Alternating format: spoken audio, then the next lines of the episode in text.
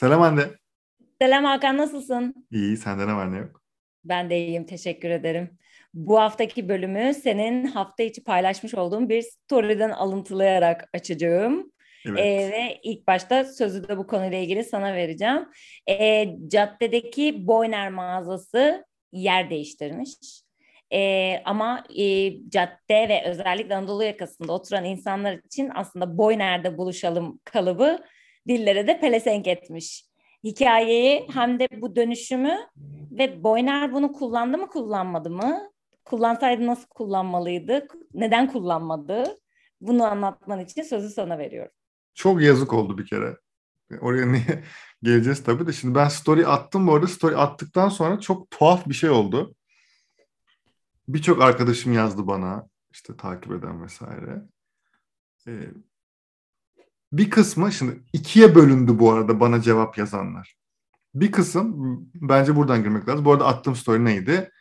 Caddedeki Bağdat Caddesi'ndeki İstanbul Bağdat Caddesi'ndeki Boyner mağazası çok ikonik bir yerdir. Ve şey işte Marks and Spencer, e, Boyner, eski çarşı ve diğer köşede Old English Pub vardır. Diğer köşede de e, Kazım Kulan Çarşısı. Böyle bir orası bir dörtlü ve işte Suadiye Zara'nın orası, bu Marks and Spencer Boyner'in orası iki yer Bağdat Caddesi'ndeki buluşma alanlarından biri. Yani bir üçüncü aslında şurası şurada buluşalım diye hani Caddebostan sahil dersin ama o sahil. Bağdat Caddesi'nin üzerindeki en önemli yerlerden biri burası. En ana noktalardan bir tanesi ve ikonik.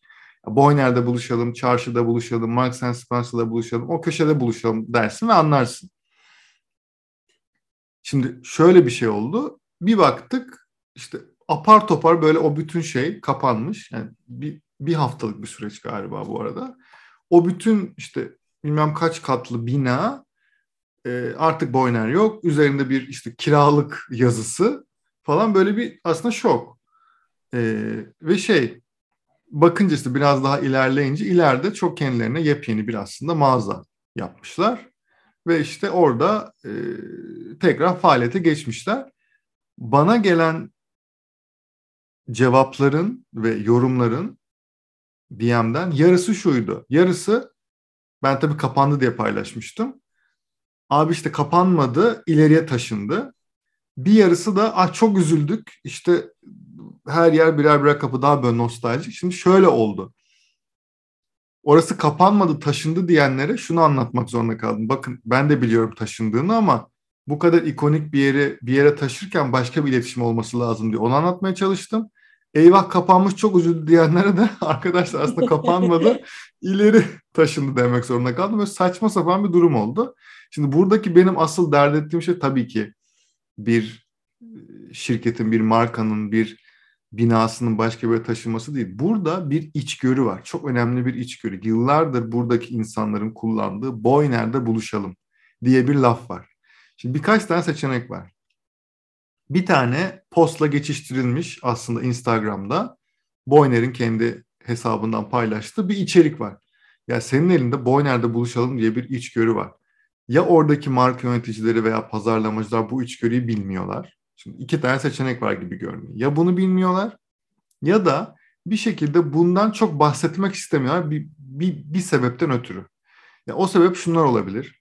Genelde işte oranın mülk sahibiyle bir sıkıntı yaşandıysa eğer diyelim ki kira yüzünden olabilir, başka bir sebepten olabilir, bina eski olabilir, her neyse o. Bunu çok da böyle insanların gözüne sokmadan biz bakın buraya geçtik diye çok böyle yumuşak bir geçiş yapmak istemiş olabilirler. Bunun arkasında bir sebep varsa bunu bilemeyiz. Ama bunun dışında bu boy nerede buluşalım içgörüsünü lafını kullanmamayı ben anlamıyorum. Yani bana o fotoğrafı çekme şansı tanımaması lazım Boyner'in bir tüketici olarak. Üzerinde yazması lazım o zaman aşağıda kiralık yazarken işte arkadaşlar veya neyse o dili artık 150 metre ileride buluşuyoruz. İşte parantez içinde boy nerede buluşalım devam ediyor falan. Bir şey bir şey demesi lazım. Yani bunu böyle bir iletişime taşıdığı zaman bu hem haber olur hem çok büyük bir daha büyük bir en azından yankı bulabilir. İşte yılların işte şeyi artık ileri taşındı. Hem insanlar görünce a kapandı mı falan demek zorunda kalmaz. Çünkü ben şey hatırlıyorum. E, bu tam taşınma şeyinde de o oranın döner kapısında yani bir A4 kağıda 8-9 Eylül'de artık ilerideyiz falan yazıyordu ya. Yani A4 kağıt gibi bir şeyin üzerinde yazıyordu. Ben yanına hakikaten Boyner'de bir işim vardı. Oraya girecektim. Aa kapanmış oldum ben daha öncesinde bu arada. Yani ve böyle saçma sapan bir şeye geldi. Üzerine o iletişimi yapmadılar vesaire. Yani bunun tek e, kaçar yolu diyeyim aslında iletişim hatası demememiz için aslında şey e, yol e, böyle bir şeydi. Yani arkasında başka bir şey olması. E, dolayısıyla bence bir iletişim olarak bir şeyi kaçırdılar ama de, dediğim gibi eğer arkada başka bir şey varsa tabii bunu bilmemiz çok mümkün değil. Dolayısıyla aslında bir yandan da değişim, bu bölüm biraz böyle değişimlerden, biraz daha dönüşümlerden bahsedeceğiz. E, bir ikinci madde de Hande senin bana attığın aslında e, Starbucks'ın değişimi dönüşüm. Bence bu da e, çok önemli, aşırı önemli. Çünkü Starbucks artık bir drive-thru modeline geçecek gibi görünüyor. Onun detaylarını da sen anlatsana. Tabii ki. Bu arada sen anlatırken Boyner'le ilgili biz ben Ankaralıyım biliyorsun. Belki daha önce de bahsetmişimdir dinleyicilere. Bizde de işte Vakko'nun önü ya da YKM'nin önü vardı. Ve ne Vakko kaldı ne YKM kaldı. Ama bir yandan da şunu düşündüm. E, bizim bu e, tabirleri kullandığımız bu kalıpların bize yerleştiği dönemler. Bunu genelde sen ben jenerasyonunda var. O zaman çünkü telefonla konuşup plan yapıp evden o saatte orada olmak üzere çıkıyorduk. Şimdi genelde ben de mesela arkadaşlarımla sen anlatırken şunu düşündüm. Bir yerde mi buluşuyorum? Yani ya restorana, kafeye gidiyorum orada buluşuyorum. Ya da ben zaten şu tarafa doğru yürüyorum yolda görürsün beni gibi bir ifade kullanıyorum. Belki yine dönüşen tüketici davranışı artık e, eskisi gibi ev daha önceden program yapmayıp e, şu saatte orada olacağız. Çünkü gelmezse bir problem var. Ulaşamıyorsun. Hatta meraklanıyorduk vesaire bir evet, anda birisi öyle, gelmeyince. Evet. Meğersem sonra anlıyorsun ki evde gün varmış, annesi yollamamış falan gibi şeyler çıkabiliyordu. Ee, belki bu da bir o nedenle yani hem markanın markanın bu arada ben de iyi ele almadığına kesinlikle seninle katılıyorum. Nostalji çok önemli bir duygu. E, ve aslında bazı markalarında kökeninde tamamıyla bu nostalji tutkusu ve duygusu yatıyor. Ki Boyner eski çarşı e, yine bizim jenerasyonumuz çarşı döneminde de hatırlıyordur. Evet. E, deyip senin aslında bahsettiğin ikinci kısma geçiyorum. Starbucks drive-thru modeline mi geçiyor? Şimdi ben üniversiteyi hatırlıyorum. 2000 2003-2004 yılları. E, biz Starbucks'a yer kapmaya giderdik. Çünkü Bilkent'te bir tane Starbucks vardı. E, ve yer olmuyordu. Ama biz de istiyorduk ki işte o zaman ko- kocaman böyle yeşil kadife koltuklar, işte avizeler vesaireler. Böyle gerçekten bir ev salonu gibiydi ya da bir kütüphane gibi e, çok zevkli döşenmiş bir yerde ve yer kapmaya gittiğimizi bir koltukta altı kişi oturduğumuzu Friends'te izliyorduk o dönem. Belki biraz onun da etkisi vardı. Böyle McLaren bir, kafe. E, evet öyle bir şeyimiz vardı. E, sonrasında bu third wave e, yani üçüncü nesil kahvecilerin açılmaya başlaması, e, daha çok e, bu chain restoranlardan daha özelleşmiş restoranlara geçilmesi, eskiden yine bizim daha çocukluğumuz, gençliğimiz diyebileceğimiz dönemde işte pideci, kebapçı, işte balıkçı vesaire yani öyle yemeği yiyebileceğin çok az kafe vardı. Şimdi artık her yer kafe, her yerde masalar var, her yerde prizler var. E, pandemiyle birlikte zaten özellikle de ofiste çalışmayan insanların çoğu dışarıda vakit geçiriyor, dışarıda çalışıyor hazır havada güzelken. E, Starbucks'ın benim oturduğum yere Starbucks açıldı bundan 5-6 ay önce. O gün ben gittiğimde sabah 10 gibiydi. E, 8 tane bana bir motoru, 4 tane de getir motoru vardı. Ve öndeki o Starbucks'ın masalarında sadece bu kuryeler oturuyordu. İşte kimisi sohbet ediyor, işte kimisi telefonlara bakıyor, işte sigara içen var. Siparişin hazırlanmasını beklerken vakit geçiriyorlar. İçeriye baktığımda ya da oraya başka oturan var mı diye baktığımda hiç yoktu. Yani bundan bahsettiğim şey neredeyse tabii artık 20 yıla yaklaşmış. 20 yıl içerisinde bir şeyler ne kadar dönüşmüş aslında. Bir an böyle bir durup düşündüm. Ee, yani biz yer kapmaya çalışırken. Bu arada Starbucks'ın artık iç dekorasyonları da çok değişti. Eskisi kadar uzun oturmaya ya da o kadar konforlu oturmaya çok fazla elverişli değil. Yine çok şık döşeniyor vesaire ama o eski şeyi yok. Eskiden çünkü Starbucks'ın ilk çıktığı dönem third place olma. Yani eviniz vardır, iş ya da işte başka bir yer vardır gittiğiniz sürekli. Biz de sizin third place'iniziz. Üçüncü mekanınızız, hayatınızı geçirdiğiniz e, vaadiyle çıkmıştı.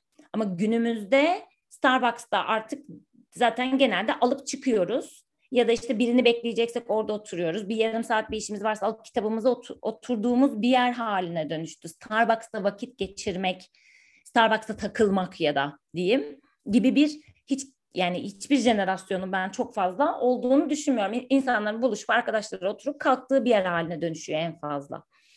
E, bu kültür e, bu arada Türkiye'de drive-thru yani işte geçerken alma yolda işte bir sıraya yani bankolar var. Bayağı bizdeki e, şey gibi düşünelim.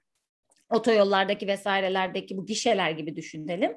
E, buna çok benzeyen bir brandingi markası vesairesi olan buraya giriyorsunuz siparişinizi veriyorsunuz. Arka tarafa doğru dönüyorsunuz. Arka taraftan siparişiniz hazırlanmış olarak size teslim ediliyor. Yani in, arabadan inmek vesaire gibi hiçbir şey yok.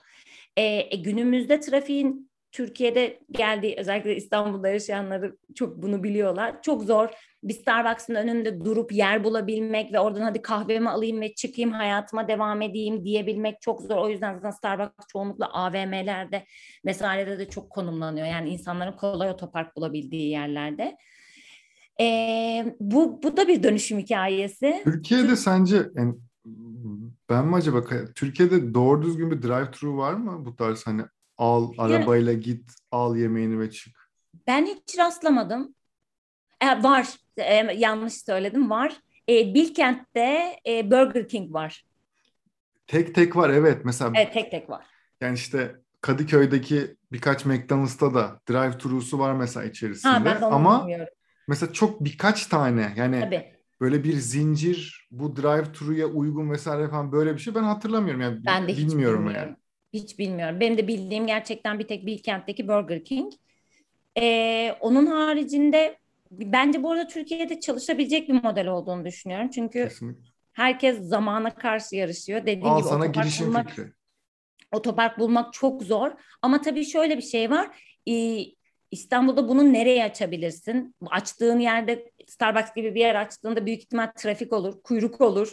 Trafiği daha da kitler, linç yer vesaire gibi devam edebilen şeyleri var. E, şehir içi planlamamız bence drive-thru'ya çok uygun değil.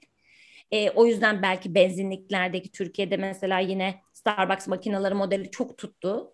Ben kendim de mesela benzin almayacak bile olsam orada Starbucks olduğunu biliyorsam bazen kenara çekip kahvemi alıp yola devam edebiliyorum. E, bu bir dönüşüm hikayesi. Bakalım yani drive-thru Türkiye'ye gelecek mi? Drive-thru Amerika'da çok yaygın. O yüzden orada popüler ve başarılı olacak bir model olacaktır diye düşünüyorum. Evet, deyip aynen.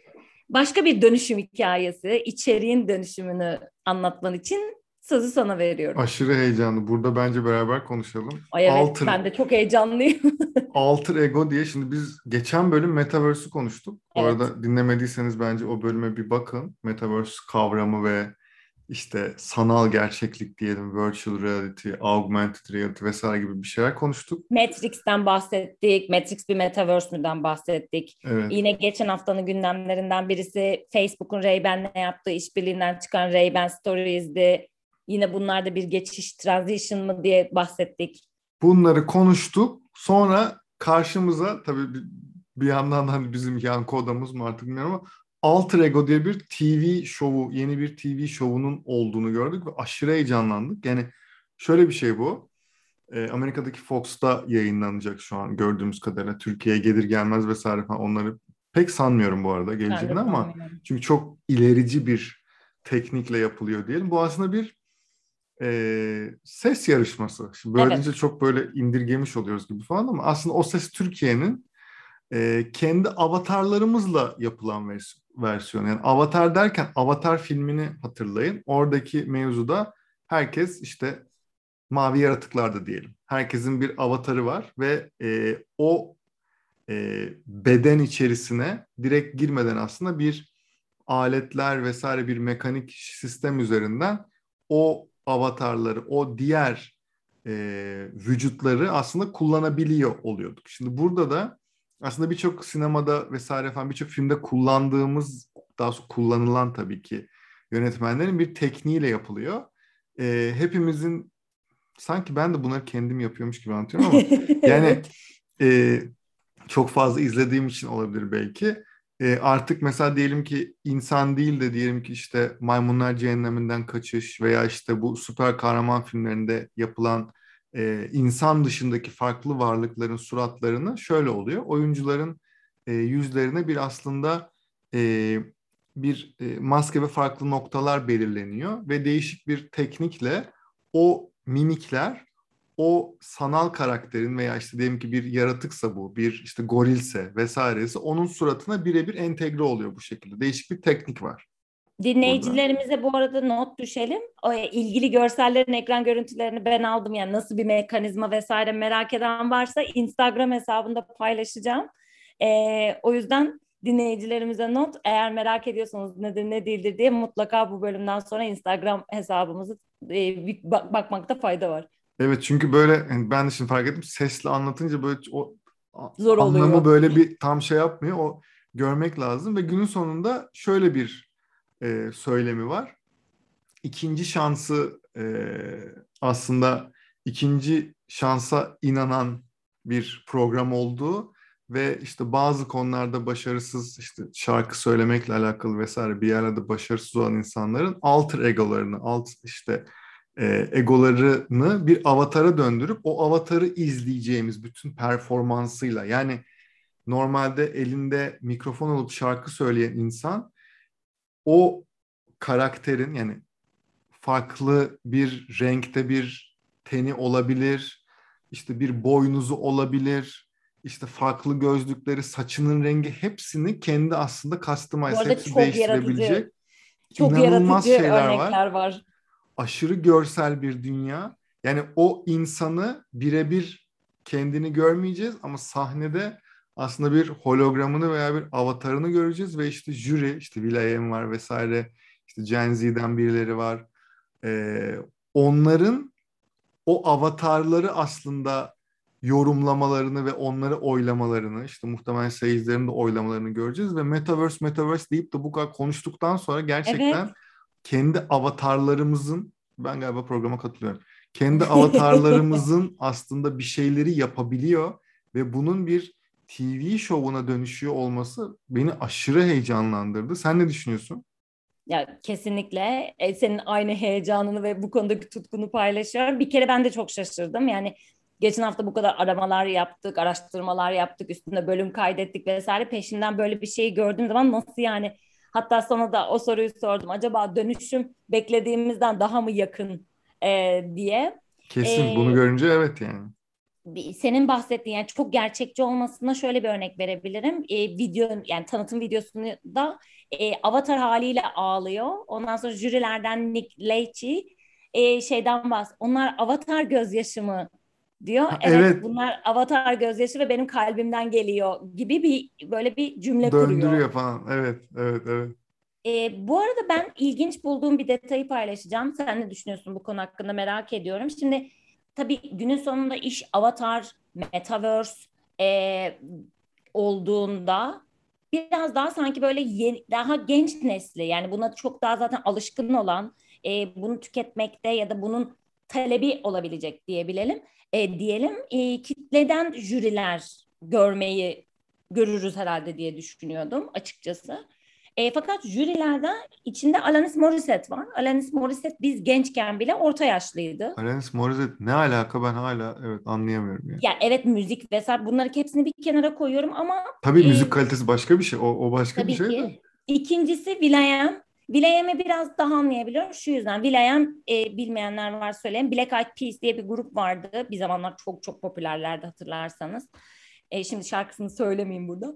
E, on- onun solistlerinden ve e, aslında gerçekten çok kreatif, çok yaratıcı birisi. E, Intel'in kreatif direktörlüğünü üstlendi bir dönem. Hatta Will.i.am'in hayatını ve bu kreatif bakış açısını e, değinen bir belgesel var. YouTube'da bulup izlenebilir. E, ikinci ama günün sonunda yine Gen Z'de bir Black Eyed Peas karşılığı var mı? Çok emin değilim. Will.i.am'de galiba şöyle bir şey var. Will.i.am e, bir belgeselde izlemiştim. Kendi avatarını yapan ilk şarkıcılardan biri sanırım. Olabilir. Gerçekten çok ilginç. Bu arada zaten onların Öyle bir şey var onda galiba. O yüzden kostümleri Evet. Hep zaten bu minvaldeydi. Yani bize hep izlerken gelecekte bir şey hissini yaşatırdı. O yüzden Will.i.am dediğim gibi müzik ve müzik bilinirliği anlamında uymasa da genel hayattaki evet. amaçları vesaire amacıyla uyuyor. Bir üçüncü isim Nick Lachey diyorum ama Lacey de olabilir hatırlamıyorum. Blue diye bir grup vardı benim gençliğimde. Bayağı gençliğimde yani lise zamanı olması lazım. E, onun solistlerinden birisi. E, yine aslında bayağı hani Gen Z tabiriyle boomer diyebileceğimiz. Blue mu kaldı hacılar? E, gibi. E, bir sadece Grimes var. Grimes yeni neslin sevdiği. O tamam. O tam uyuyor. E ben burada mesela daha işte ne bileyim Travis Scott'lar vesaireler gibi şu an hani e, müzik endüstrisine yön veren e, Gen Z'nin böyle bayağı sevdiği insanlar olur gibi düşünmüştüm. Buradaki şeyin şu olduğunu düşünüyorum. Yani bu isimler daha sen ben e, Z hatta Y jenerasyonunu şey X X'in sonu Y arası e, gibi bir kitlenin bildiği ve televizyon hala televizyon tüketen bu arada bir kitleden bahsediyoruz. Ama konsept Z jenerasyonu konsepti. Yani hem onları belki biraz eskiyle tanıştık ama tanıştırmak ama esas daha bu konsepte uzak olanlara bu konsepti tanıtmak, e, biraz daha onlara A yenilikçi bir bakış açısı, B gelecekteki bir şeylere hazırlamak ve belki de eskisi kadar boomer olmamalarını e, sağlamak üzerine de yapılmış bir strateji olabilir diye düşünüyorum. Bilmiyorum sen ne diyorsun?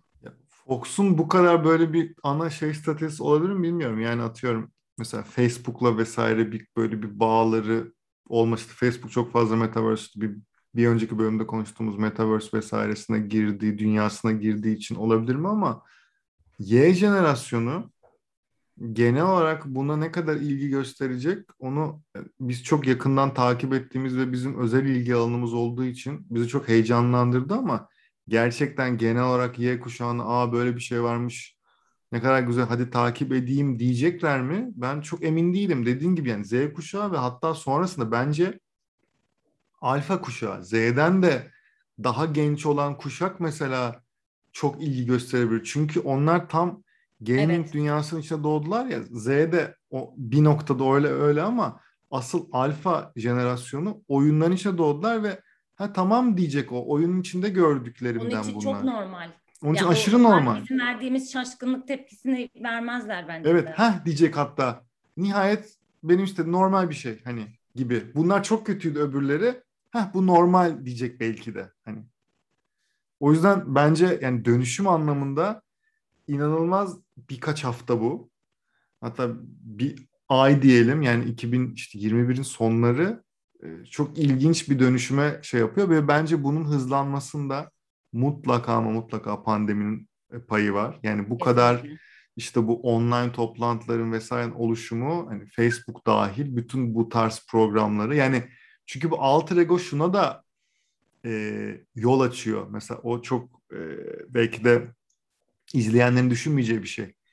Bir şey oldu ve tamamen evlere kapanmak zorunda kaldık. Çok tuhaf bir salgın hastalık oldu. Herkes evinden katılabilir buna. Tabii. Yarışmacılar. Ya başka bir boyuta geçmiş oluyor. Hakikaten metaverse. E, zaten şu konuşuluyor biliyorsun ki e, Facebook'un kendi içerisinde şu an toplantılarını yaptığı e, platformun bir metaverse olduğu hmm. e, şey geçen hafta hatta bahsetmiştik. Verge Verge'de yaptığı röportajdan sen işte evet. telefonlara savaş açtı akıllı telefonlara o yine röportajda belirtilen bir şeydi bu. Röportaj yapan kişi tabii ki beni ona davet etmediler. Biz normal Zoom'dan yaptık toplantıyı e, gibi bir ifade kullanmış ama zaten hali hazırda bu var. Yani bu bence ilginç bir deneyim her halükarda ve her hiçbir hayatta hiçbir şeyin durmayacak noktaya geliyor olması da ilginç bir deneyim. Ee, sanki bundan sonraki süreçte böyle aralarda yine böyle çok şaşıracağımız şeyler ve e, dinleyicilerimize paylaşacak şeylerimiz sıklıkla olacakmış gibi hissediyorum ama. Bence de ve aşırı heyecan, aşırı güzel günler gelecek gibi görünüyor.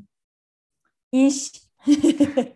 O zaman bence gene şahane bölüm oldu. Yine artık Vallahi kısa bölümlerle bölüm oldu. devam ediyoruz. Elimizden geldiğince. O zaman bir sonraki bölümde görüşmek üzere. Bir sonraki bölümde görüşmek üzere. Herkese iyi haftalar.